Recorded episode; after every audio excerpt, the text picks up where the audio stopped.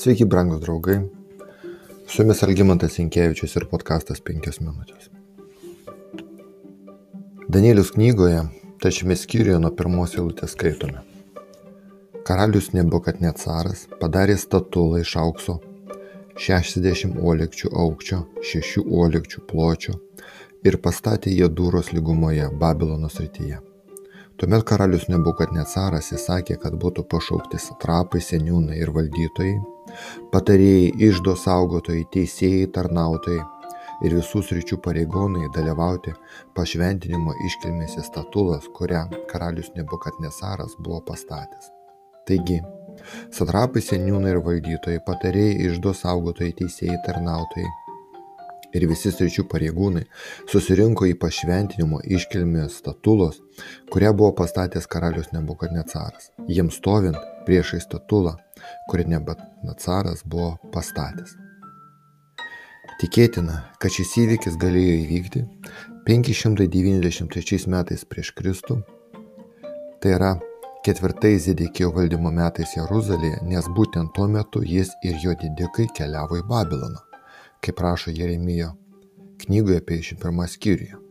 Kai visi susirinko, šauklys garsiai paskelbė, o tautos ir gentys visų kalbų. Jums įsakyta, išgirtus garsą rago, trimito, lyros, citros, arfos, būgno ar bet kokio kito instrumento parpulti ir pagarbinti aukso statulą, kurią pastatė karalius Nebukadnecaras. O kas neparpuls ir nepagarbins, tas bus to jau pat įmestas į krosnį plėskančią ugnimi. Garbinimas yra visuotinis ištikimybės aktas. Valdydamas tokią didelę ir daugia tautį imperiją, karalius Nebukadnesaras turėjo nuolat pasitikėti tų žmonių, kurie valdė jo šalį, jo vardu skirtingose lygmenimis, jų ištikimybė, kad jiems net nebūtų minties apie sukilimą prieš jį. Ir prie to turėjo prisidėti bendras auksinio stabo garbinimas. Viena vertus, muzika turėjo sužadinti žiūrovų vienybės dvasią jausmingų lygmenių. Kita vertus, nepaklusniems buvo paruošta raudonai kaitusi ugnimi e, tvieskanti krosnis, kuri kėlė siaubą ir pašalino bet kokį nepaklusnumo daiktą. Stabo atidarimo šventė buvo apgalvota iki smulkmenų. Bet tarp susirinkusiųjų buvo trys pareigūnai, kurie prieš šią statulą nelinkė kelių. Šadrachas, Mešachas ir Abed Negas, jie buvo atsakingi už Babilono šalies reikalus. Tuo pat metu, būdami pamaldus ir ištikimi Dievui, jie nenorėjo sulaužyti Dievo įsakymų ir garbinti ką nors kitą, išskyrus Dievą, kaip moko išėjimo 20 skyrius. Kai visi nusilenkė ir tik jie liko stovėti, tai neliko nepastebėta. Jų pavydus kolegos nuskubėjo pas karalių ir pranešė apie juos. Kai Šedrakas, Mešakas ir Abed Negas pasirodė prieš karalių, jie savo atsakymu ryštingai parodė, kad net ir jų pačių gyvenimas jiems yra mažiau vertas nei lojalumo viešpačių įrodymas. Jie sakė, jei mūsų Dievas, kuriam tarnaujame, gali mus išgelbėti iš ugnimi plėskančios krosnės ir tavo rankos, karalių te išgelbsti, bet jei ne, karalių te būna tau žinoma, kad mes tavo dievams netarnausime ir aukso statulas, kurią tu pastatė, negarbinsime. Pykdamas karalius įsakė savo tarnams kabutėse iškepti jos ugnies krosnį.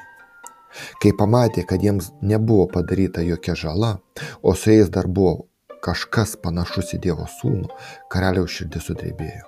Jis nuėjo prie krosnės ir tarė, šadrachai, mešachai ir abetnegai, aukščiausiojo Dievo tarnai, išeikite, ateikite čia. Šadrachas, Mešachas ir Abetnegas to jau pat išėjo iš ugnies. Satrapai, seniūnai, valdytojai ir karaliaus patarėjai apspito juos ir pamatė, kad ugnis neturėjo jokios galios tų vyrų kūnams. Jų galvos plaukai nebuvo nusvilinti, jų skraistės nebuvo ugnies apdegintos, jos ugnies kvapas nesklido nuo jų. Nebukadnesaras pareiškė, te būna pašlovintas Šadracho Mešako ir Abednego dievas. Jis atsiuntė savo angelą ir išgelbėjo savo tarnus, kurie jo pasitikėjo. Jie nepakluso karaliaus įsakui ir sutiko verčiau atiduoti savo kūnus, negu kokiam kitam dievui tarnauti ir jį garbinti, išskyrus jų pačių dievą. Ši istorija, brangus draugai, mus moko bent dviejų svarbių principų. Pirma, mūsų ištikimybė Dievui bus patikrinta pačiu svarbiausiu ir neįtikėtinu momentu. Mums reikės pasirinkti tarp Dievo ir jo įsakymo, bei tarp to, kuris teigia užimantis Dievo vietą mūsų gyvenime.